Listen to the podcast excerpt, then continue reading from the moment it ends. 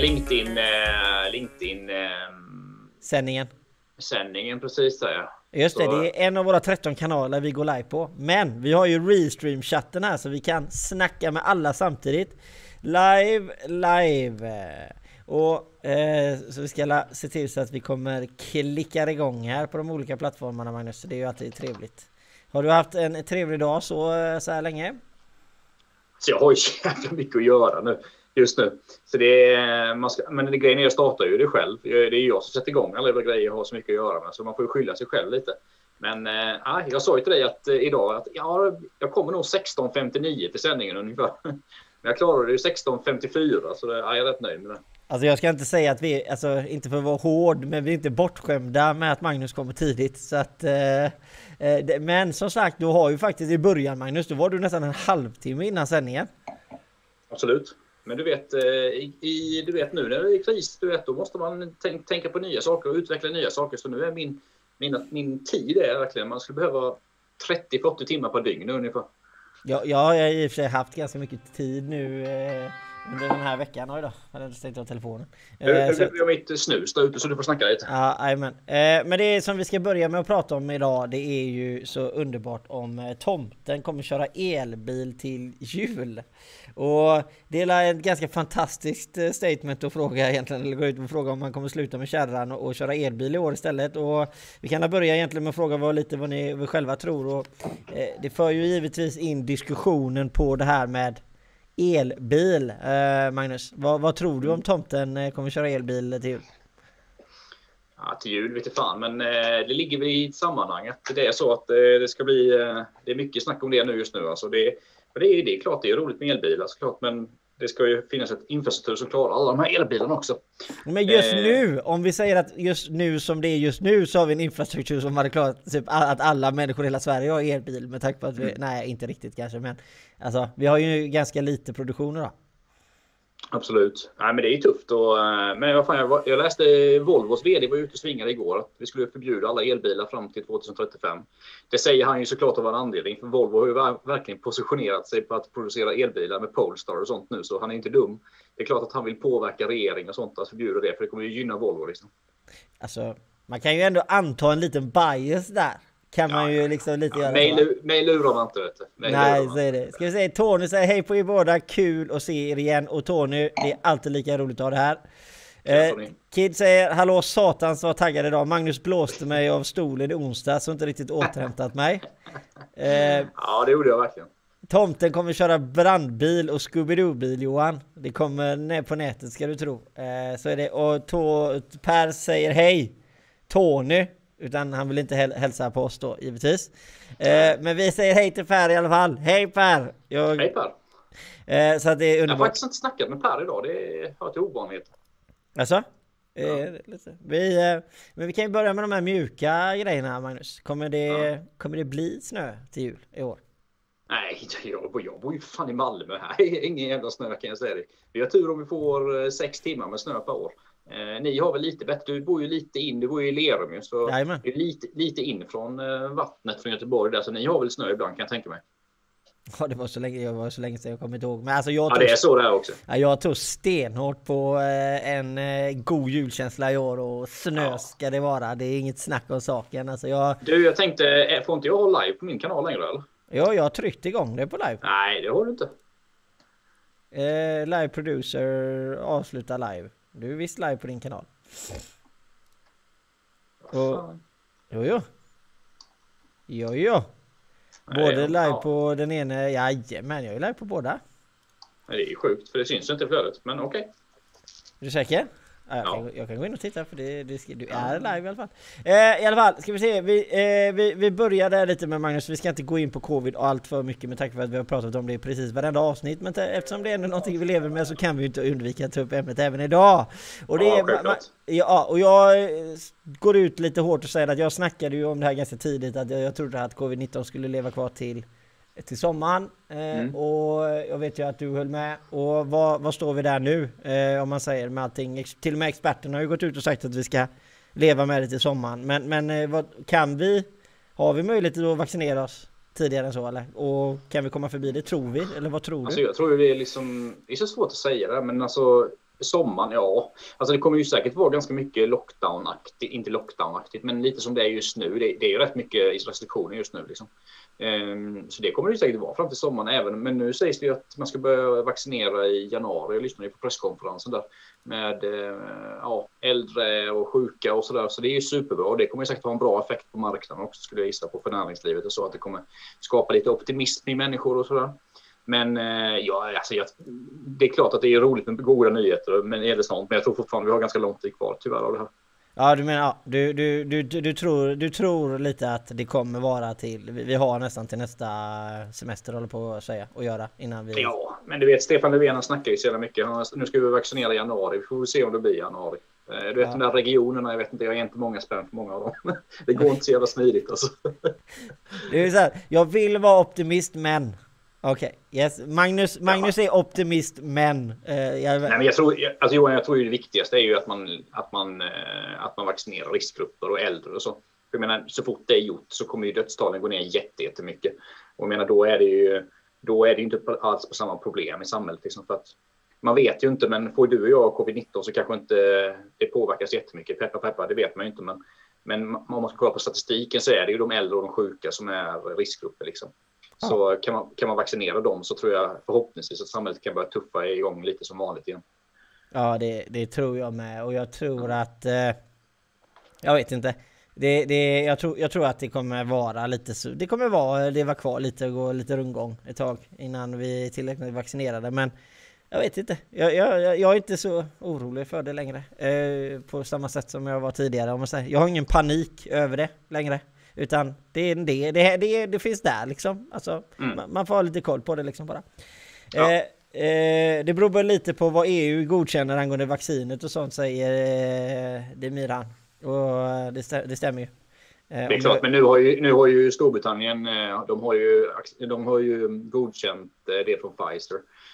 Och jag menar, Storbritannien och EUs, alltså, vad heter det, men vad fan heter det, med det, Ja, men alltså myndighet som, eh, som godkänner, de är nog ganska samspelt. Alltså, om Storbritannien godkänner så tror jag inte det känns så himla långt bort att, att EU och resten av länderna ska göra det också med tanke på att Storbritannien är ju fortfarande med i EU så de följer väldigt mycket lagstiftning som finns i EU fortfarande. De, de går ju de går ur här nu i årsskiftet så jag tror det är ganska nära på ett godkännande faktiskt. Om jag ska mm. spekulera.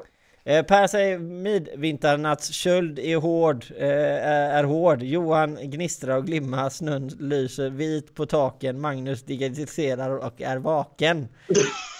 Helt rätt Per, alltså du... Alltså, jävla bra Per alltså, riktigt bra. Jag gillar det, jag gillar det, jag älskar det. Ska se. Kid, när frågan är väl uppe, när tror vi det blir som vanligt igen? Eh, jag, jag, tror det blir en ny PID, vi anpassar oss till en stor del till läget. Eller?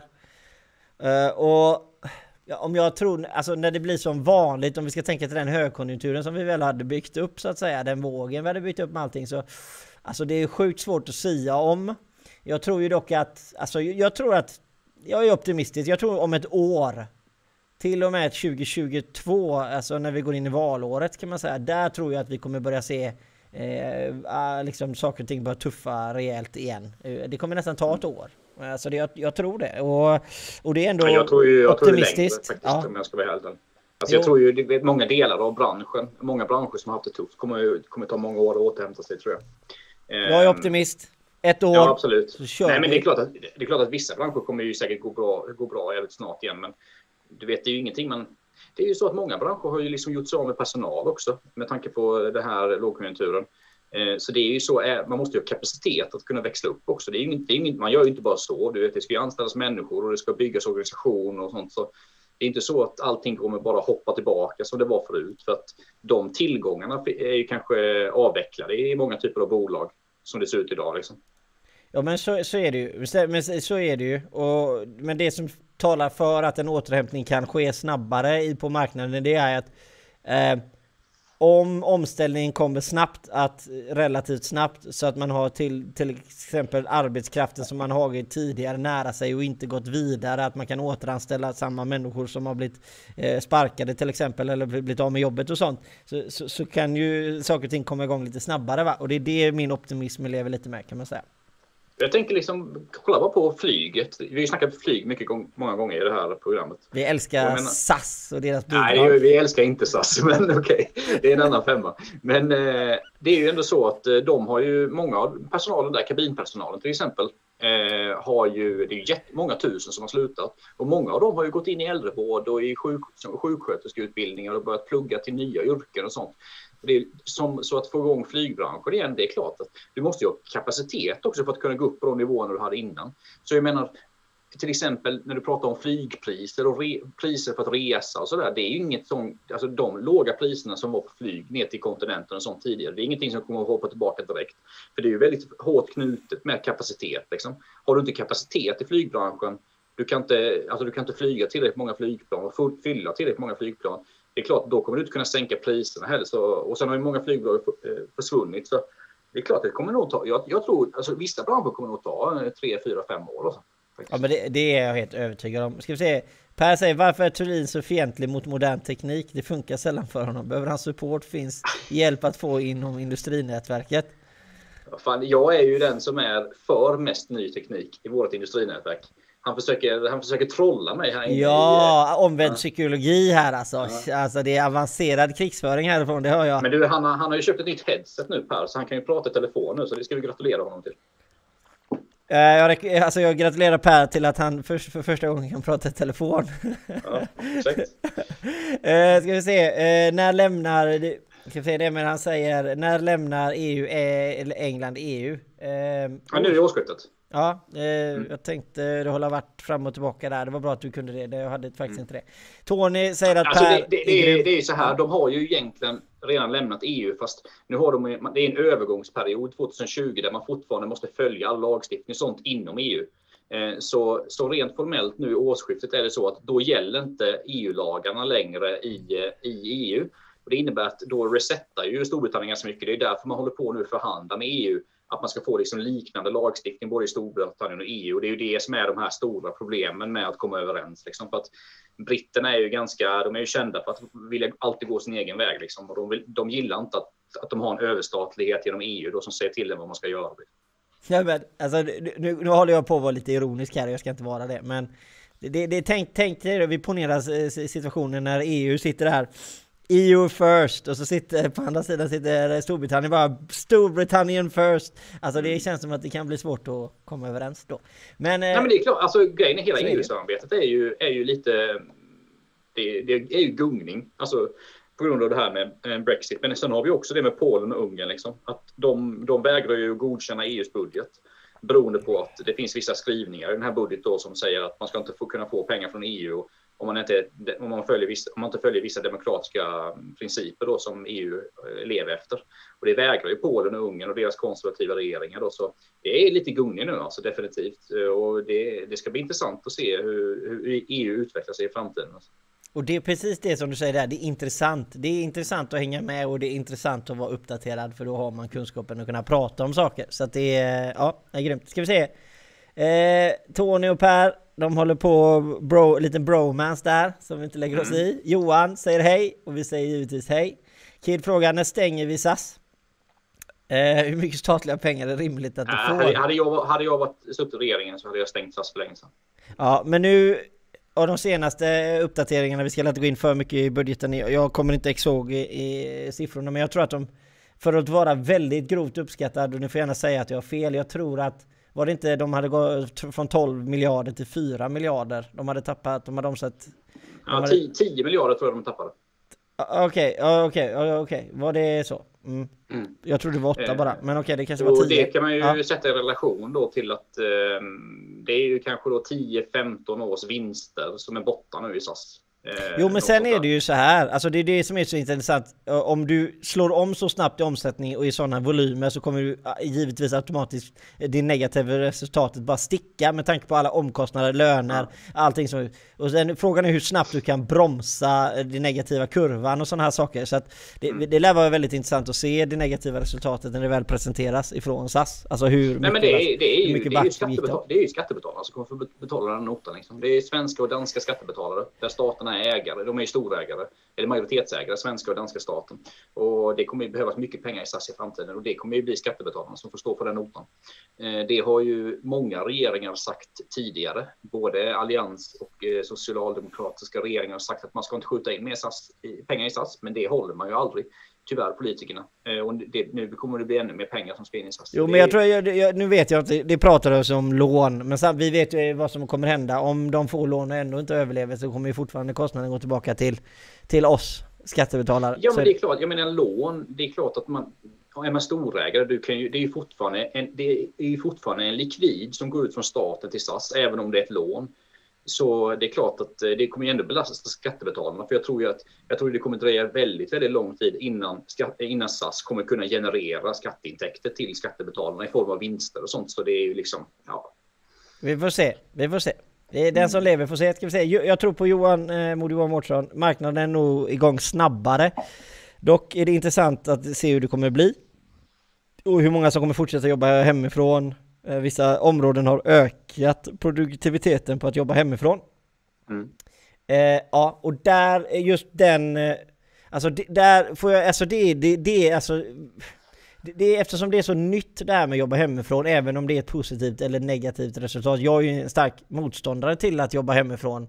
Men om man väl har hittat en formel för det det funkar så är det väldigt, väldigt tidigt att säga om det funkar eller inte funkar utan mm. det, det, är någonting som arbetsmarknaden kommer behöva hålla på med ett, ett, ett tag, säg ett perspektiv på fem år innan man kan liksom göra en bra utvärdering om det. Självklart så kan man ju säga att det har funkat upp till den här punkten väldigt, väldigt bra men nya saker får nya utmaningar innan man då har hunnit liksom se vad problematiken är för stora bolag kanske det är lättare att jobba hemifrån, för mindre bolag kanske det är svårare att jobba hemifrån. Alltså, vi vet inte riktigt hur det kommer slå för alla liksom, innan det väl liksom tillräckligt mycket information kommer in liksom. Men, men jag tror ju också att vissa har lyckats väldigt, väldigt bra med att jobba hemifrån och vissa har lyckats väldigt mycket sämre. Eh, om Absolut. man säger så. Absolut. Det, det sätter ju sina krav. Det är likadant som de här restriktionerna som kom igår du vet, med, med gymnasieskolan och så.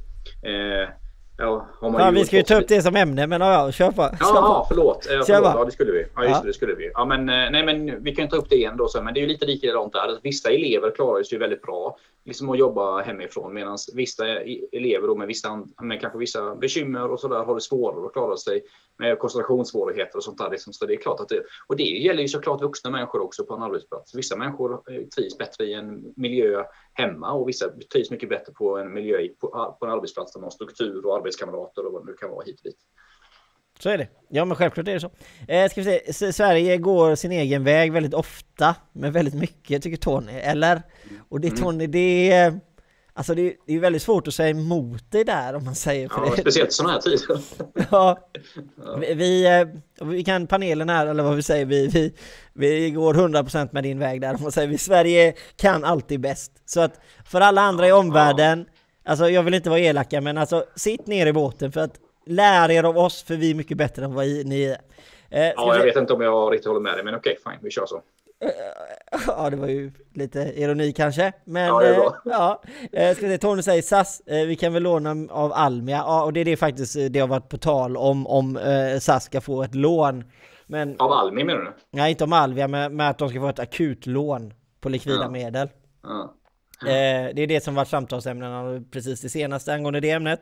Eh, om det är beslutat eller sådär, det Men det är klart, alltså det är, det är jättesvåra frågor detta. Det, det, alltså det är svårt att säga bara att ja, vi lägger ner SAS. Det är klart att det har ju stora påföljder liksom med alltså resande i landet från olika mindre flygplatser och att människor ska kunna röra sig. Och för näringslivet är det också jätteviktigt med, med plan och sådär. Men jag, jag börjar ju komma dit, alltså det, det, ibland måste man kutta banden liksom, för då kan det komma något mycket bättre efteråt än vad det var tidigare. Men det är klart att, att klippa det bandet är ju, är ju väldigt eh, tufft liksom. Såklart, och jag förstår, ju att, jag förstår ju självklart att många är emot det, för det finns ju många aspekter som är viktiga med flyget, att man ska kunna ja, leva i hela landet och sådär. Men det är ofta så att marknaden har ju en sån otroligt härlig förmåga. Liksom. Det är därför jag tror på marknaden väldigt mycket att om någonting försvinner så, så kommer någonting som, som anpassas till det marknaden med rätt kostnadskostym och, och bättre service kanske eller vad det nu kan vara. Så. Ja, det tror jag. Eh, ska vi se, du är alltid svårt nu med vissa. Eh, Karthik säger hej. Hallå mm. säger jag tillbaka.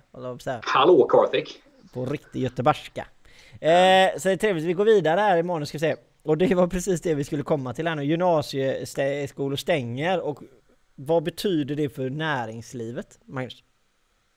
Eh, jag tror det kan... Det, det, det, nu är inte jag någon expert på just detta område, men man, man, man kan ju tänka sig vissa effekter som man har pratat om innan. Som vi prat, jag var inne på lite där, du vet med kanske ungdomar som inte har lika lätt för att lära sig hemma vid en dator och så där. Då kanske, då kanske föräldrar behöver stanna hemma till exempel. Eh, det har ju varit väldigt stora argument varför man inte ska stänga eh, lågstadie och högstadie beroende på att människor behöver vara hemma då med sina barn och då kan man inte vara produktiv och producera på sitt arbete. Och det är klart att det har nog en viss effekt också på gymnasiet, speciellt om du går i, i tidiga delen av gymnasiet, du är en 16 år och så där, då kanske det är en del föräldrar som väljer att vara hemma och då är det klart att då påverkar det ju näringslivet såklart, för då blir det ju mindre produktivitet i näringslivet. Ja men så är det och det är ju lite där jag, där jag tror med precis samma som du. Självklart eh, så är ju inte vi några, eh, ska vi säga, forskare i detta ämnet. Men det man kan ändå säga med ganska klar säkerhet är ju precis som du säger att vissa ju, kanske passar väldigt bra. En annan mm. hade nog inte haft, eh, just under de åren när jag var själv i den åldern så hade inte jag varit lika fokuserad Eh, Nej, man säger. Jag, för mig har det ju varit hopplöst. Alltså. Jag var ju ganska skoltrött när jag gick i skolan. Så, så jag, hade för fan, jag hade druckit grogg varenda dag. Nej, jag har suttit och gjort, spelat tv-spel på den. ja, och, liksom, det är ju bara vara ärlig. Liksom. Ja, grogg kanske var lite tidigt att hålla på att dricka då i och för sig. Okej. Okay. Sista, sista julmust. året Du hade druckit julmust ja. hela året istället. Det är ju redan, det är sjukt bara det. Mm. Eh, så att, eh, men så är det ju. Så att jag tror men, att... men Johan, du sa ju det att vi inte vi är inte några professorer och sådär. Nej, det är vi inte. Men det är klart att i våras var ju vi, både du och jag lite försiktigare hur man uttalade sig och sådär om saker och ting för att då hade man ju inte data liksom. Nu har man ju en hel del data i samhället. Så, det. Så och det är därför rätt mycket ekonomer och sånt börjar uttala sig i många ämnen just nu vad det gäller Sveriges strategi och vad det gäller olika saker. Och det beror ju på helt enkelt att man har data från olika ställen där man kan bilda sin uppfattning eh, på liksom, det, akademiska. Liksom. Det hade man ju inte i våras. Så det är klart att nu blir det ju mer att eh, Eh, folk som inte är statsepidemiologer eller epidemiologer och sånt blandar sig i lite för att de har ju fått in massa data nu så de kan bedöma. De kan göra andra typer av bedömningar av samhället, typ ekonomiska och näringsliv och sånt där. Så. Jo, men det som är det är det just med det här med gymnasieskolorna, att man stänger och sånt. Problemet är ju att när man behandlar olika delar av samhället olika och det är därför det slår så himla fel och det är därför det påverkar så många olika utan istället för då att man sitter i ett klassrum och inte kan bedriva sin, sin, sin klassrumsverksamhet så att säga eh, för det finns väldigt eh, mycket privata skolor som inte kan bedriva sin verksamhet heller det är inte bara kommunala grejer. Eh, men man kan lika men då kan man gå och sätta sig och ha sin undervisning på sin lokala pizzeria istället för där får man vara. Alltså det blir, ja, lite, det blir lite löjligt att... Ja, det är klart. Men det är ju för att vi inte har lagstiftning och det får du ju... Att vi har ingen pandemilagstiftning i Sverige eller alltså den typen av lagstiftning. Och det, det, tyvärr är det ju så att det får man ju skylla på regeringen. De har ju ändå haft ett halvår på sig att lägga fram lagstiftning. De har ju inte gjort det liksom. Så ja, så är ja. det ju. Ja, sen, är, sen är jag ju alltid, har jag ju varit en stark motståndare till nedstängning totalt. Så att, och det gör jag fortfarande. Men ska säga, per säger tack Johan för att du håller upp sändningen. Du är stekhet. Kan vi få information om oktoberrevolutionen som Magnus har etablerat? Vad är målet och syftet? Magnus, vad är det för revolution du har startat? Alltså det här, det här, det här är inte bra för mitt varumärke den här grejen. Ja, vad har du gjort nu då? Nej, nej, men vi, vi har en, eh, vi har en LinkedIn-grupp som heter, eh, där vi, jag och Per och några till, som heter Oktoberrevolutionen. Ja. Och det, har, det har ju varit mycket aktiviteter idag om det är luncher och det ska vara nätverkas och vad det nu kan vara. Så jag såg det precis, den här konversationen. Så, eh, mer än så kan jag inte eh, delge just nu, men eh, det han menar är en, eh, är en chattgrupp på LinkedIn. Men det är ju så att oktoberrevolutionen. Eh, jag hoppades inte att han skulle outa den, för det kan ju ha vissa känsligt i vissa, vissa öron. Liksom. Ja, okej, okay, ja, ja. Men alltså det är ingen tur typ att ni ska ta statsmakt eller ni ska Nej. liksom... jo, jo, jo, precis. Det är precis det vi ska göra. Vi håller på, vi håller på att mobilisera en jävla, en jävla revolution här, där jag ska vara, där jag ska bli tsaren. Över huvudet eller? okej, okay, ja du är hövding. Okej, okay, ja det är bra. Ja, det var, det var, jag var tvungen att ta upp det bara för att du skulle kunna ja, slå ner det så att absolut, säga. Eh, ska vi säga, Kid säger, gammal, som gammal rekryterare, det är svårare än någonsin att behålla sina medarbetare medarbetare på företaget. Jag tror att det är lättare att behålla sina medarbetare genom att de jobbar hemifrån. Eh, är det lättare att behålla medarbetare om man jobbar hemifrån än Ja, det, alltså det, alltså det, jag, jag, vet inte, jag har inte ens tänkt tanken. Jag... jag vet inte, alltså grejen är att det är klart att det kanske finns en konkurrensfördel om man låter sina, sina medarbetare jobba hemma. Det kan jag inte visst tänka mig. Jag hörde någonting, jag vet inte om du läste det Johan igår, men det, det har kommit fram ganska mycket om företag som vägrar låta sina medarbetare jobba hemifrån. Eh, det ja, det har varit diskussion om det. Mm. Ja, det var ett jävla liv om det, hörde jag. Och det kanske är så. Jag är inte i rekryteringsbranschen, men det kan ju vara så att vissa människor prioriterar att, um, att man ska få jobba hemma och söker man ett nytt jobb då kanske det, jag vet inte, det kanske är en av de första frågorna. Kan, får jag jobba hemma i början? Jag vet inte. Ja men det tror jag, nej, men det, vi har ju pratat om det att uh, Millenniums eller 00 kanske har förändrat arbetsmarknaden i sin helhet. De har ju... Som, de lata jävlarna nu. De, ja precis, de har högre krav om man säger. Uh, och för jag, för jag vet just det här, precis det du tog upp nu, det här med att jobba hemma. Jag vet ju, det har ju till och med varit uppe i chatten eller i kommentarsfälten eh, på min Facebook till exempel, där folk har tagit upp det att de vill jobba hemma men inte får. Så att jag, jag tror säkert att det är, det alla de här grejerna påverkar givetvis. Eh, det blir ju en, om man ska stå mellan två olika arbetsgivare till exempel då, mm. så självklart kan det eh, så är det. Eh, ska vi se, Kid. Eh, hur lyckas man trots distansarbete? Ja, alltså jag, jag tycker ju den, alltså om man ska jobba i team och sådär, det är klart att du behöver nog ha rätt bra strategi för att få ut det mesta då, av det. För att det är klart att det skapar vissa problem när man inte kan se varandra i ögonen och sådär. Vi har ju pratat om det innan Johan, alltså att det kan ju säkert vara lite problem att skapa kreativitet och driv och sådana saker. Men då kan man ju skaffa någonting som jag erbjuder i mitt bolag, en motivationsgenerator som eh, visar nyckeltal i realtid. Så blir det, jävla, eh, blir det eld i baken på medarbetarna. Fick vi in det med va? Helt rätt. Eh, ska vi se, nej men alltså det här med motivation och inspiration och sådär. Det skapas inte hemifrån på samma sätt utan eh, jag, jag, tror ju att alltså jag tror att man kan göra det till viss del. Du kan aldrig ta bort den personliga kontakten helt eller att man ska se varandra. Alltså jag tror Zoom är jättebra eh, och man kan nog göra jättebra grejer med det. Men jag, jag tror ju på något sätt att man... Jag tror det är bara en blandning liksom. Eh, det, det, tror jag alltid på liksom. Och jag... Eh, eller eh, att man i så fall jobbar man hemifrån att man ändå träffas på något möte eller sådär liksom. Mm. På något sätt. Mm. Alltså för att skapa den här förståelsen för varandra och det ena och det andra. Eh, Kazik säger I'm having a software House specified in building various relations. Trevligt. Trevligt, trevligt. I, uh, good luck with that. Ja, good luck with that säger vi bara. Tony ja. säger biter på naglarna på din fråga Per, poppa popcorn. Oktoberrevolutionen är vi vidare här ja. Jag tror, jag alltså, det, är, det, är, ganska roligt. Vi, vi sammanför ju människor här i den här podden. Eh, nya kontakter knyts. Alltså, de börjar till och med det börjar leva sitt eget lilla liv i den här podden. Att de chattar i bakgrunden och sådär. Det gillar vi. Och det är helt fantastiskt. Eh, ska vi se.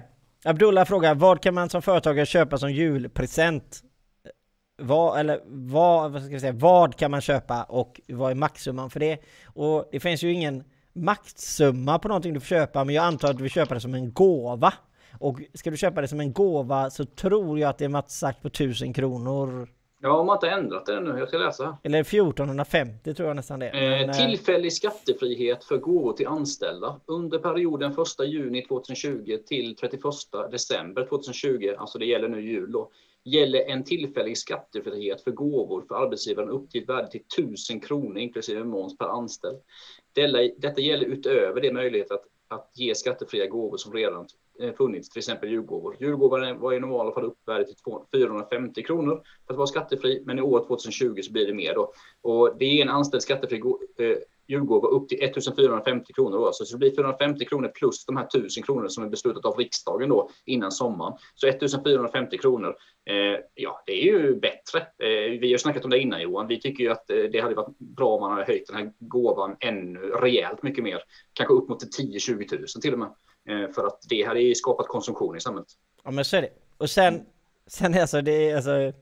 Jag är inte ett uppslagningsverk. Jag är inte min egen Wikipedia. Men tack för att ni frågar. Eh, ska vi se, Per säger hur arbetar en innebandyspelare hemifrån Kid? Och det är faktiskt en väldigt bra fråga Kid. Om hur kan en innebandyspelare arbeta hemifrån? Men jag... Jag känns ju som att du är en bänknötare när Per ställer den frågan om man säger. Ska jag säga, Tony säger Djurgården. Ja, är, man bänk, är man bänknötare så kan man ju jobba hemma. Ja, ja, han kan eh, ja. prata med de andra och peppa de andra via Zoom. Absolut. Absolut. Ja. Eh, ska vi se, julgåva säger han får inte överstiga 450 kronor och det stämmer Tony, men det har ju kommit en, en tillfällig... Tillfällig lag. Tillfällig lag, ja, så gör att Mm, du... Så det är 1450 kronor då. Stämmer. Så det kan du komma ihåg Tony. Om du ska vara riktigt snäll mot dina anställda så kan du eh, slänga iväg en riktig härlig eh, 1450 på dina anställda. nu. Ja, om du har... Alltså man får ju ändå säga det med eh, lite sådär att... Alltså även om det finns möjlighet så har inte alla företag möjlighet till det utan vissa företag kommer in med ett väldigt, väldigt tråkigt resultat i år. Och då får man ändå, man får gärna ha förståelse för om företaget inte ens kan ge det bara för att man inte har ekonomisk kapacitet. Absolut. Eh, får man säga. Det tar mig, Johan, det tar mig in på det jag snackade om förra gången. Jag har funderat mycket på det här med balansräkningen alltså inför boksluten. Alltså. Jag, fan, jag har funderat riktigt mycket på det. Frågan är om vi kommer se någonting eh, riktigt jobbigt här i Q1, alltså, när bolag ska börja göra sina bokslut. Alltså. Eh, det är någonting som eh, gror lite inom mig och jag har faktiskt skickat iväg en del en del mejl angående detta till ledande politiker i partiet jag är engagerad i. Så eh, jag tror att det är någonting som jag tror att politikerna ska ha lite uppsikt över. För jag är inte helt osäker på att man kommer, kom, kommer behöva göra någon, kanske någon slags ändring i lagstiftningen där i Q1. Alltså. Eh, nej, det är, det, det, det, det är faktiskt en väldigt vettig sak och det Magnus menar för er som eh, tittar är ju att om, om ni inte har varit med tidigare och lyssnat så är det ju så att balansräkningen bör, behöver ju vara i sin ordning och du behöver ha aktiekapitalet till exempel om du går, går vidare till nästa år. Om vi säger att du har 50 000 på kontot när du väl ska ha 50 000 på kontot när bokslutet görs. Och har du inte det så behöver en balansräkning utformas för att eh, säkerställa att bolaget inte kommer gå i konkurs och du är inte juridiskt eh, ansvarig om det går eh, alla, massa regler där. Eh, och helst om man har bolag som har 25 000 i aktiekapital som jag och Magnus tidigare, om ni har lyssnat på tidigare avsnitt, har slått ner på ganska enormt. Eh, så att det... Det, det Man kan, ju, man kan ju tänka sig, Johan, det har ju varit lite så här, det har ju införts en del, del nya tillfälliga lagar. Du vet det här med att man inte är personlig ansvarig och sånt där. Företrädaransvar heter det väl, tror jag, eller? eh, vid en konkurs menar du? Ja, precis. Och det det kan ju vara... Jo, men det, det har ju kommit en, en hel del den typen av lagar. Eh, det, det, betyder inte att man, att, det betyder inte att du kan gå i konkurs och du kommer inte få personligt ansvar, men det har, viss, det har skett en del förändringar i den lagstiftningen. Och man kan tänka sig att det kom, kan komma en del förändringar även eh, i nu i Q1 kan jag tänka mig vad det gäller aktiekapitalet. Men alltså, detta, jag vet ingenting om detta. Det, detta är bara någonting som jag har funderat mycket på som, som är företagare själv. Och jag, jag ser ett problem som kan uppkomma här. Det, det ser ju jag såklart före politikerna, för jag är ju företagare och de är politiker. Så det är bara så jag tänker. Jo men det är lite jag som jag brukar vara på företagarna ibland och eh, liksom ge dem lite så här alltså. Det jag säger, det kommer hända om ett år. Kommer Mm. de säga samma sak. Mm. Så att eh, jag har sagt det till dem att de borde kanske lyssna på den här podden lite mer. Eh, jag ska säga Daniel Kolander säger Är du själv en julgårda Mange? Och i så fall vad? eh, Alltså Kolander, vad fan ska jag ge mig eh, julgåva då? Ja, men alltså, jag- du vet, jag är inte så mycket, jag har ju aldrig, jag har sagt det innan, jag är inte så himla, jag konsumerar inte så jävla mycket, men eh, en härlig flaska whisky från, eh, från Västra Götaland hade ju varit jävligt fint. Ja det låter som bra. Ska säga ett affärsnätverk som heter Aktörspodden lär ju bli en hit. Det är ju det vi gör eh, Kid. Det är ju det vi nätverkar ju här för fullt. Ska vi se, Tony säger jag har tre bolag så tre gånger 1450 kronor till mig. Nice! Bra Tony, du hjälper till konsumtionen i Sverige. Och du betalar skatt när du köper saker. Så tummen upp till dig. Ska vi se. Kid säger Per. Säg, ska vi se, Per, vad var Per? Där man sitter hemma och tuggar knopp om man inte är bänkspelare. Eh, ska vi se, Tony julgåvor kan vara bra, minst två stycken som saknade strumpor och kalsonger. Ja, det är aldrig fel med julgåvor. Eh, Kid säger även, är man sniper som, som nöter man skott hemma i källaren tills det är powerplay. Då hoppar man in i planen med kronavstånd. ja, så, så, är, så är det underbart faktiskt. Ska vi se Eh, undrar vad som hänt på Business Garden denna veckan. Eh, och det var ju faktiskt det någonting som eh, Magnus, vad är Business Garden? För både Business Garden och Simple News eh, har vi fått eh, funderingar över innan eh, avsnittet att de har öppnat och är igång. Och, alltså jag, jag, jag ska ändå säga med handen på hjärtat att jag är inte uppdaterad alltså. Jag, eh, Nej, men det är ju så här, vi, vi kan ju breaka den då. Det är ju, eh, det är ju två bolag, eller ett bolag och ett koncept kan man säga i industrinätverket. Vi har ju ett bolag eh, som heter Business Garden som företräds faktiskt av Per Skoglund som är igång. Och följer ni inte Per Skoglund på LinkedIn så tycker ni ska göra det för han är den, nog den brutalaste nätverkaren jag känner. Han käkar korv i sin trädgård med de flesta och kör olika typer av koncept där. Sen är det ju Simple News är ju någonting roligt som Kid har gått. Jag tror jag taggade in det där Johan för några dagar sedan. Men jag såg, jo men det var, jo men jag såg eh, ja, det avsnittet. De kör ju en nyhetskanal kan man säga på LinkedIn och diskuterar olika typer av saker som florerar mycket nu som, som trendar på LinkedIn kan man säga. Jävligt smart koncept. Alltså jag, jag är lite besviken på mig själv för att eh, jag brukar ju hugga på smarta saker tycker jag. Men den såg jag inte komma. Men det gjorde ju Kid. Det innebär ju att Kid är lite smartare än vad jag är kanske. Eller så rättare sagt, du hade känt att du hade tillräckligt med din lyra just nu. Men det var ju roligt, det ska jag titta. Ja, det, Kid, det kan man ju också säga. Man har ju rätt mycket på sin lyra. Kid får ta tagga mig. Så jag får, du, Kid, du får tagga mig nästa gång du gör det. Så jag får eh, vara med och ja, titta. Men frå, vilken fråga Kid, har de, finns det någon kanal för Simple News? Finns det någon sida för den? Eller är det bara ni som driver den som lägger i er egna flöden? Eller funkar det?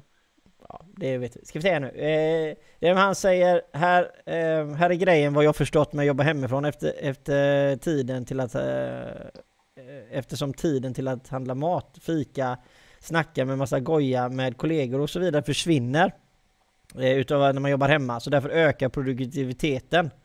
Eh, och eh, som ni pratar om, där man måste jobba i grupp har blivit mer komplicerat. Så att det, det han pratar om är att det är lättare att jobba individuellt, men det blir lite svårare att jobba i grupp. Och det dröjer eh, precis fysiskt sett. Eh, ja. Men det är ungefär det lite som, det, sen är det olika individ till individ. Men det låter ganska som en ganska vettig sak. Alltså jobbar man själv så behöver man ju inte ha någon annan och jobbar man i grupp och då blir det ju svårare. Så att det låter mm. som en väldigt bra, en väldigt bra enkel förtydligande om det. Absolut. Minns avsnittet där du och Magnus hade behov av eh, strumpor och kalsonger, säger Tord. Ja, alltså det finns alltid behov på strumpor och kalsonger. Eh, så är det varje måndag, säger Kid. Och det är antagligen med, med Simple News antar jag. Eh, vi ska gå vidare, vi har inte kommit så långt till vad vi skulle tagit upp för det här. Eh, ska vi se. Eh, elektronikavfall, Magnus. Det ja. ökar. Mm, det jag förstår jag att det ökar. Och det kommer ju öka ännu mer eh, i framtiden tror jag. Vad, eh, hur ska vi ta hand om det på ett bra sätt? Ja, nu är inte jag verkligen ingen expert, expert, på avfall, men det handlar väldigt mycket om sortering. Eh, bo, det är ju, svenska bolag är ju ganska duktiga på att sortera mönsterkort och komponenter och olika typer av metaller generellt. Eh, så det är klart att det behövs ju ta vara på. Det vet jag att Sverige sticker ut ganska mycket i EU till exempel. Många länder är mycket, mycket sämre på det. Men då handlar det om att källsortera och fördela upp det, att avfallsbolagen fördelar upp det på rätt sätt. Resten går, jag vet inte riktigt hur det funkar, den resten som man inte kan sortera upp går väl till att göra asfalt och sånt där tror jag. Okej, okay. jag är, jag är dålig. Jag, jag kommer bara Nej, jag, ihåg det här Uppdrag granskning med den här Pink-företaget. Som... Ja, men herregud. Ja, men du vet, idiot, alltså grejen är bara för att man är företagare själv så det finns ju alltid idioter som är företagare ute. Det ser man ju bara på nu hur mycket det fuskas med omställningsstöden. Liksom. Det finns ju alltid idioter. Liksom. Så är det. Nej men jag, jag tänker på KID när jag tänker på avfall. Och det är inte det att KID är ett avfall utan att KID är väldigt duktig på det. Eh, mm. Så att det ska, så, så, så, eh, det ska bli intressant och, och ska se. Tony säger att sopåkare har inte lätt att jobba hemma. Det finns vissa yrken som har det svårt. Eh, kommer Nej, men det, är klart, det, det, finns ju många yrken som har jättesvårt att jobba hemma såklart. Liksom. Det är klart att det är så. Mm. Eh, bolagen är mycket duktiga säger Kid med privatpersoner men privat behöver höja ett varningens finger. Och det är alltid så med saker och ting som lavinökar ökar innan man lär sig hantera det. Och det är det som är ibland så hade det varit skönt att kunna vara före kurvan istället för efter kurvan ibland med saker och ting. Men eh, det är svårt ibland att vara det även om man vet om det. Men eh, det, det, är intressant. Eh, sen har vi då eh, hur, hur högt i tak eller hur öppna ska vi vara i, på, lokalt på företaget, eh, Magnus? När, vi, när man diskuterar olika saker. Ja, det är klart. Eh, nej, men jag tycker, det, jag tycker alltid det är bra i tak. Och du, vi, för, vi har ju det lite som signum i den här podden också. Alltså att eh, ge ordet liv på det sättet att man, att man... Jag pratar ju ofta om det när jag skriver inlägg och skriver insändare eller vad det nu kan vara. Att man, att man, måste, ha, man måste tänka själv liksom. Och tänker man själv så har man ju åsikter om saker och ting och det tycker jag alltid man ska vädra. Det är bara bra. Alltså ju mindre man vädrar ju, ju sämre sammanhållning och kultur och sånt tror jag det blir på ett bolag.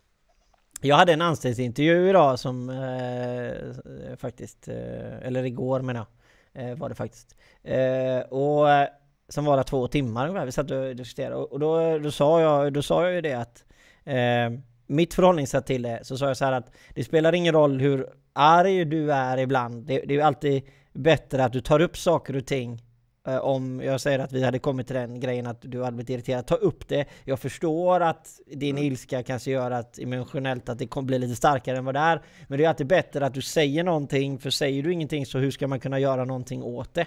Hur ska mm. man kunna alltså, förbättra någonting om man aldrig får veta någonting? Och då är det Absolut. bättre att få veta mer än att få veta mindre. Absolut. För annars kan man ju aldrig förbättra det liksom. Ja, ja, ja.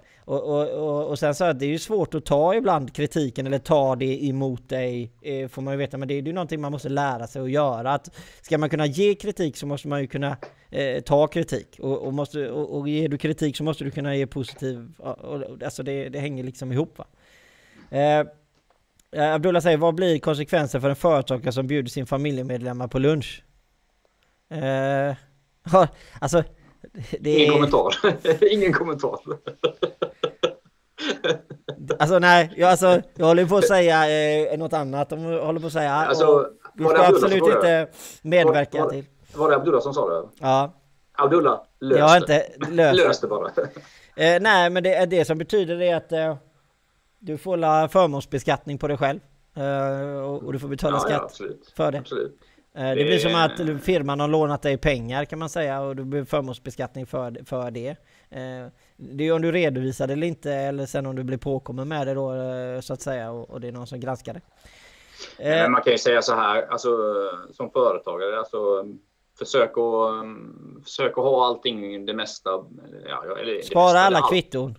Ja, ha, ha, gör allting by the book liksom. Eh, så behöver du inte vara i trubbel sen. Eh, alltså att, att man... smutsa ner dig över en lunch, säger jag bara. Alltså tänk i de banorna. Ska jag utsätta mitt företag för skit över en lunch? Alltså, mm. ja, det är ju lite så man får tänka. Ja. Eh, så transparent som möjligt, säger Kid. Och det håller jag med om till 100%. Eh, för jag har ätit lunch från restaurang varje gång jag känner mig hungrig vid lunch. Jo men det är klart att du får käka lunch, men du, företaget eh, står inte för att du ska äta mat varje dag. Om man säger. Nej. Nej. nej, nej. Det är möjligtvis att du kan äh, äh, äta upp obeställda, eller någon som inte hämtar sin order på en restaurang. Jag vet inte ens om du får det i och för sig. Så jag ska inte ens säga det. Nej, men det är klart, alltså, sådana här saker, alltså, såna här saker som alltid passar sig lite för. För det är ju så, är du iväg och jobbar utanför din, där du, där du har ditt företag, där du bor, såklart, då kan du dra, då, då kan du ju låta bolaget betala beroende på att du är iväg och arbetar på annan ort. Liksom. Eh, men då har, med, då har det ju med traktamenten och sånt där att du är iväg. Liksom.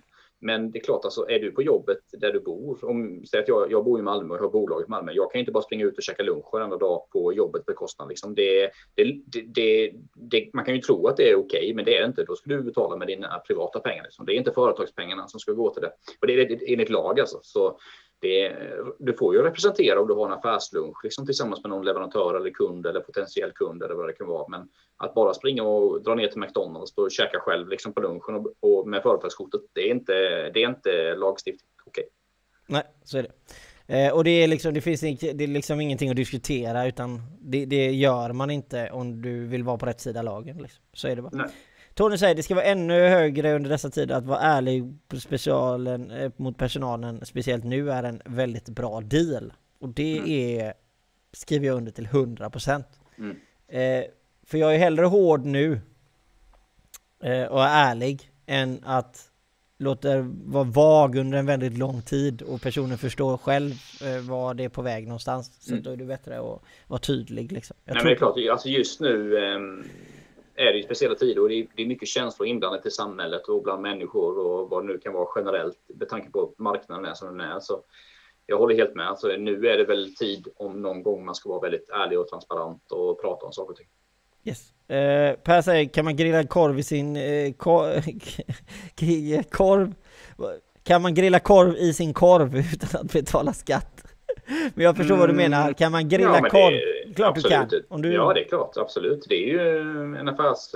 Han har ju affärsluncher, så det tror jag inte... Alltså det, han får ju såklart läsa på själv om reglerna på Skatteverket, men det tror jag inte är någon konstighet liksom. Beroende på att man... Det är ju som att man träffar kund. Han träffar ju potentiella samarbetspartners. Du ska vara transparent och skriva på kvittot vem det är du har käkat lunch med och typ varför, håller på att säga. Men har du affärsluster för att knyta nya kontakter för att göra nya affärer? Så Johan, apropå det, apropå det med kvitton. Hur kvittoredovisar du? Kör du någon app eller kör du manuellt? Manuellt. Hur gör du? Manuellt. Ja, fan, alltså jag har börjat gå över till digitalt, men det, alltså, det finns ju inga... Fan, jag kör ju Fortnox som affärssystem. Det, där har man ju, man kan eh, scanna in saker och sånt, men det har inte kommit någonting, eller jag har inte hittat i alla fall, som någonting som bara automatiserar detta. Jag letar och letar och letar, men jag hittar inte det där. Alltså alla som säger att de automatiserar olika tjänster, det är inte riktigt automatiserat. Så om det är någon som har tips på hur man automatiserar kvittoredovisning så fan, jag tar gärna emot den. Alltså, alltså jag gör det traditionella sättet på, för Ja, men du, otippat liksom. Jag, jag tar ett kvitto och så har jag min stampa, stampa, stampa fastmaskin. Ja. ja. Så sätter den fast kvittot på ett A4 som jag har. Och så skriver jag under då på, på kvittot då vad det är som, varför och vad det är till. Och så vilket datum och när den har överförts och så kryssar jag och så skriver jag under med Johan Mårtensson för att, eller JM skriver jag då bara för att eh, det är jag. Och sen sätter jag ihop kanske tre eller fyra kvitton och sen adderar jag ihop dem och skriver totalsumman eh, för att om man gör en totalöverföring om det är samma person för att man enkelt ska följa den i, i, i god redovisnings eh, princip eller något sånt. Så gör jag. jag. Jag gör ungefär likadant fast jag gör det digitalt i Fortnox. Jag fotar, scannar in bilden i Fortnox tillsammans med verifikation och skriver lite text. Men sen är det ju fortfarande så i Sverige vi lever idag, vilket som är jävligt konstigt, att du måste ju fortfarande spara originalkvitton sjukt länge i Sverige. Är det sju så, år eller vad är det, tio år? Nej, jag tror tio år faktiskt. Jag tror att det var tio år. Jag tror att någon sa att det var förändrat till sju år, men jag, okay. har alltid lärt mig okay. att det var tio år, okay. så ja, jag vet inte. Men detta behöver ju förändras mer med det digitala liksom. Det, alltså, jag bara, Johan, du har ju också drivit bolag i många år. Du, jag startade 2010, när var det du startade? 2009.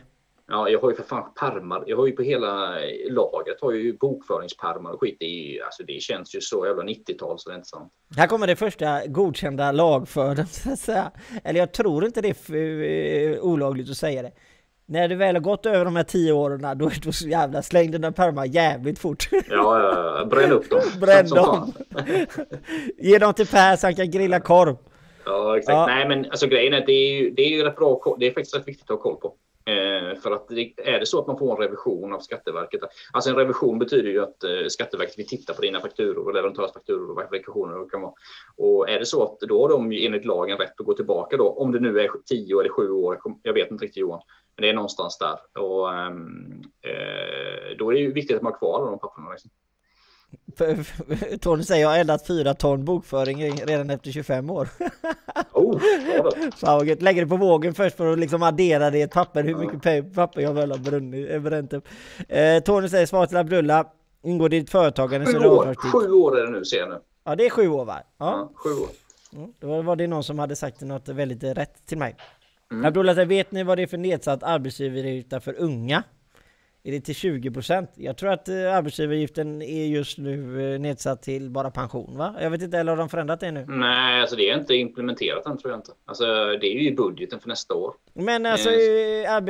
arbetsgivaravgiften var nu, nu var jag blandade ihop. Arbetsgivaravgiften var, var sänkt i två, tre månader eller? Nu ja, två, månader, två månader tror jag det var sänkt i arbetsgivaravgift. Men det var ju då i maj, var det maj, april eller vad var det? Ja, och så ska man fortsätta med, med stöd och det ena och det andra. Alltså, ja. ja. Men den, den nya sänkningen av arbetsavgiften den kommer väl eh, om den blir av så kommer den nästa år, för det är ju nästa års budget från regeringen eh, och samarbetspartierna. Men det är till unga eller? Mm, det är till unga ja. Okej, okay. ja det vet jag inte någonting om faktiskt. Jag ska inte säga. Tony säger jag lämnar in alla kvitton till Caroline. Går hur bra som helst. Ring henne. Det är skönt att ha en, en redovisningskonsult alltså. Ja, jag, min, min heter Berit. Och jag, och mm. jag kan säga, alltså det är inte så att jag är 100% men 99% av fallen så gör jag så med kvittohanteringen. Det kan hända ibland att hon får en sån eh, plastficka med en jävla massa kvitton i. Och det gillar hon inte. Då blir hon arg. Och så får jag ett argt mail sen med massa frågor. Eh, så är det. Eh, eh, för att ge svar på de arbetsavgifterna. Arbetsavgiften för unga sänks från den 1 april nästa år, precis som jag sa. Fram till, det är en tillfällig lag då som kommer tas, den kommer tas bort sen igen 2023. Alltså detta har ju väldigt mycket att göra med pandemin och åtgärder från, det, detta var ju Centerns förslag vet jag, som man fick igenom i budgeten. Och, ja, det, är, det är en pandemigrej liksom och det är ju... Jo, men alltså, som... med, vi alla hatar, jag ska säga nu hatar är starkt ord, men vi alla missgillar ju tillfälliga lagar, men alltså man får ändå förstå att pandemin är ändå pandemin och det kan ja. behövas lite så. Och det gäller då från uh, unga i åldern 19 till 23 år. Mm. Ska säga, per, behöver ni hjälp med digital kvittoredovisning? Kontakta bästa firman Malmö, Thulin Digital. Ja, absolut. Ja, ja, absolut. Jag, jag, jag, snart ska jag erbjuda den tjänsten när jag hittat rätt tjänst. Alltså, jag har letat sjukt mycket efter denna, men det, det är många Varför bolags... tillverkar du inte en själv då? Du har ju ett par, två år ledigt som du Grejen kan... är att det är inte så jävla lätt, för det, det här handlar ju mycket, det är mycket machine learning och sånt. För grejen är vad man vill ha, vill man ju ha att om du tar telefonen och så skannar du ett kvitto, då vill du ju till exempel att den här eh, appen ska känna av vad, vad det är för bolag. Det ska ju redovisas på rätt konto. Är det en resekostnad eller är det en representationskostnad eller någonting? För nu är det så att du kan idag kan du scanna och så får du upp moms och sådana grejer på ett ganska smidigt sätt. Men det är inte liksom hela vägen automatiserat och det är det jag skulle vilja se från ett bolag. Eh, pappret ska lämnas till mig som sekretess som har menat att bli destruerat, att det blir förstört, säger Kid. Helt rätt, alltså Kid tar hand om det. Skicka det till Kid så kommer det, det finns inga spår. Efter, efter sju år så finns det inga spår att de har funnits. Det är rätt Kid. Eh, Abdullah säger, alltså vet inte när Skatteverket kontrollerar. Eh, jag känner någon som har haft en verksamhet för tjänster och ändå säljer varor samtidigt istället för tjänster. Är det lagligt eller är det förenligt med verksamheten? Ja, det där är ju... Det alltså, där det, där, ju, alltså det där med ja. SNI-koder är det ja, du pratar precis. om. Och det ja. betyder ju att du ska ju redovisa för, med SNI-koden vad du håller på med. Mm. Och SNI-koden vet jag av 100% säkerhet att det finns vissa bolag som är sämre på att uppdatera sin SNI-kod. Vissa, de flesta är nog det. Ja, men jag vill inte liksom så gå ut så här brett och du vet, säga att alla gör det. Men eh, jag tror att Eh, alltså om jag ska vara riktigt ärlig så hade Bolagsverket gått ut och behövt göra ett utskick en gång om året till alla bolag som finns för att uppdatera SNI-registren. Eh, eh, för alla bolag gör det inte. Eh, nej, nej, nej. Alltså, jag tror så här. Jag tror inte det är viktigt. Alltså, det är klart att det är viktigt att man har rätt SNI-kod, men i slutändan handlar det ju om du, om du redovisar rätt eller inte, om du betalar din skatter på rätt sätt om du, och sådana typer. Det tror jag är det viktigaste för Skatteverket. Och sen, alltså, man kan ju, om man ska ge en rekommendation då till företagare, jag tycker det är ganska bra om man startar bolag att vara ganska svävande i sin SNI-kod. Eller om man, jag vet inte om man kan använda olika Johan. Det kan ja, man men du kan ja. ha flera. Precis, så det innebär ju då att eh, använd fler. Om du tänker dig i framtiden att du ska jobba med olika saker och du har inte helt utbyggt ditt koncept och så. För, försök att vara ganska bred i de här koderna skulle jag säga. Jo, men alltså problemet är därför jag säger att bolagsverket, det här är en ganska viktig grej. För mm. det har med Dels med lag och ordning att göra, dels med ekonomiska saker att göra. Vilka branscher går bra, vilka branscher Absolut. går dåligt. Absolut. Alltså det här med att följa upp eh, information och sånt. Det är där jag, därför jag säger att Bolagsverket är... är fan, måste jag ge Bolagsverket... Måste jag alltid ge, fördöma alla hela tiden? Men det är för dåligt. Alltså det är för dåligt. Bolagsverket borde, väldigt enkelt, de har, det finns en app där de flesta bolagen har sin Bolagsverket, man går in på Bolagsverket. De kan bara eh, gå ut med en informationsblankett där att uppdatera din SNI-kod eller bekräfta att den stämmer. Och så skriva under med BankID, pang klart. Mm. Men det är klart, det är, det är svårt. Liksom, jag menar, I mitt bolag, jag har ju både digitaliseringstjänst, jag har e-handel, jag har partihandel, tjänster och eh, även produkter. Så det är klart att det är svårt, för det, kräver, det är ju ganska brett. Liksom. Ja, ja, jag ska inte säga att jag till 100% har exa, äh, att jag har gått över det heller. Så jag ska inte säga att jag är bättre än någon annan. Jag tror att jag är under rätt. Men ja. eh, som sagt. Eh, Tony säger, har ni koll på vad som gälls med utländska företag? Exempel 1. Från England. Kommer det krävas svensk F-skatt efter årsskiftet? Tydligt ska det vara oavsett driftställe i Sverige. Eh. eh, det skulle jag nog gissa att det kommer krävas. Jag är inte helt säker på det. Är svår, det där är en svår fråga. jävligt svår fråga, men det är inte helt otippat med tanke på att vi har ju det här momsregistreringsnumret inom EU. Men nu är ju Eh. England utanför EU. Ja, det är det jag menar. Så efter årsskiftet så blir det ju annorlunda regler i England. Liksom. Så inom EU så har vi ju momsregistreringsnummer för gäller för hela EU. Det ser man ju. I Sverige började det på SC, sen är organisationsnumret och sen slutade det på 01 tror jag. Och i Polen då är det PL likadant och slutar på 01. Eh, Så ehm, det är nog mycket möjligt att det kan bli så faktiskt. Det var Tony som eh, frågade det. Va? Ja. Men, men jag, det är ingenting som jag kan svära på. Alltså. Och jag säger pass Tony, för jag känner att jag inte har koll på den frågan överhuvudtaget och jag vill inte säga någonting som inte stämmer. Eh, jag har, eh, Johan säger att han har fem SNI-koder. Mm. Bra Johan. Jävligt imponerande faktiskt. Mm. Du, du går föregått med ett gott exempel. Det är det vi ska lyfta fram i den här frågan Johan, det har jag ju direkt. Eh, nu ska vi, nu har vi inte fem minuter kvar Magnus. Så nu ska vi Mm. vara, nu ska vi vara jävligt juliga här Magnus. Mm. Hur bra är din julkänsla? Ja, jag har ingen julkänsla nästan överhuvudtaget än. Jo, lite har jag för att vi riggade ju upp lite grejer jag och tjejen eh, i söndags första advent. Så lite känsla är det ju. Men vi, vi, ska ju, vi ska ju göra lite så här knäck och sånt nu i helgen. Så då kommer nog julkänslan mer i helgen tror jag. Hur är det själv Johan? Alltså ja, alltså ja, alltså för det första så är det så här, julkänslan sprids bättre än ett virus sprids. Så om vi slutar prata så jävla negativt om julkänslan utan vi börjar, ja men jag börjar känna julkänsla istället för att nej jag bara tappar julkänslan. Om alla hade sagt hela tiden, jag bara känner julkänsla. Då kommer man bli övertygad av, och jag, jag känner du, ja men jag tror också jag känner. Alltså så va, det är så det går. va? Alltså jag börjar ju definitivt inte tappa. Jag börjar ju snarare känna. Frugan, eh, jag ska inte säga att jag är bra på gardiner. Jag är inte bra på gardiner, inte ens när jag har gjort en ryggoperation.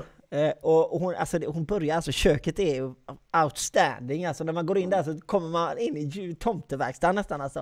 Och, Ja, men det är nej, härligt jag, ju. nej, jag, börjar, jag börjar få riktigt bra julkänsla nu. Alltså kommer Men- snön liksom, Ja, då är det- det... Är ju många som är lite knäckta över jul och sådär. Du vet att um, hur det blir med restriktioner och sånt där. Men det är klart att julen är mycket glädje också. Så det kanske, eh, för mig är det ganska, jag tycker det ska bli jävligt mysigt med jul liksom, i den här jävla kaosåret. Liksom. Alltså har du ett företag så, så kan du ju alltid liksom skapa ett företagsevent den 24 december och Smart. eh, vara mer än åtta personer. Det är ju ändå Ah, okej då så länge smart. du... Smart.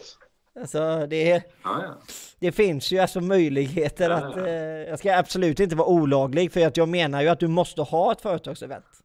Ja. Nej, men jag tror att eh, generellt den här julen blir väldigt speciell. Många människor kommer inte träffas och släkt och sånt där och man kommer nog få vara väldigt få personer och sådär. Så. Jag tror har- att de flesta människor kommer träffas ändå. Ja, men jag vet inte, det kom det inte nya restriktioner idag? Typ, Är det inte eh, åtta människor? Jo, det är ju det de generella restriktionerna, men det kommer lite special inför jul idag tror jag. Jag har inte läst dem än faktiskt. Nej men alltså, jag, jag tror att, jag tror ju att man ska vara lite passiv, man kanske inte ska liksom, dra in he- hela stora släkten och vara 40 pers liksom. Men Mm. alltså klart, alltså, om, om träffa sina föräldrar liksom. Mm. Eh, ska Tony säga, visst eh, var det lugnare med, med bara, bara mig när det startade? Fasen vad sjukt Ja, ja. detta har blivit under de senaste Ja, två månaderna. Nu, Snackar vi om bara realskeppet Va- Vasa hela tiden? Ja, nu har ni frågor som haglar. Vad tycker ni om eh, denna frågan? Visst var det lugnare när ni... Det var väldigt lugnare när vi startade uh, after worken alltså. Men jag håller med dig Tony, det har blivit fruktansvärt roligt eh, faktiskt under de två månaderna att se hur allting har expanderat. Håll koll på glas, eller glas och bilrikt Johan så får ni se julkänsla. Alltså, säger du det? Säger du det ska vi se. Glas och bilrikt Tony. Då går vi in här Tony, ska vi se. Det var en grön bil. När vi gick in där. Det var ingenting med hjulen att göra där såg jag Tony. Har du en flik här med hjul? Nej, Tony. Tony, Tony, Tony. Så går vi in här på Sölvesborgs biltvätt Tony.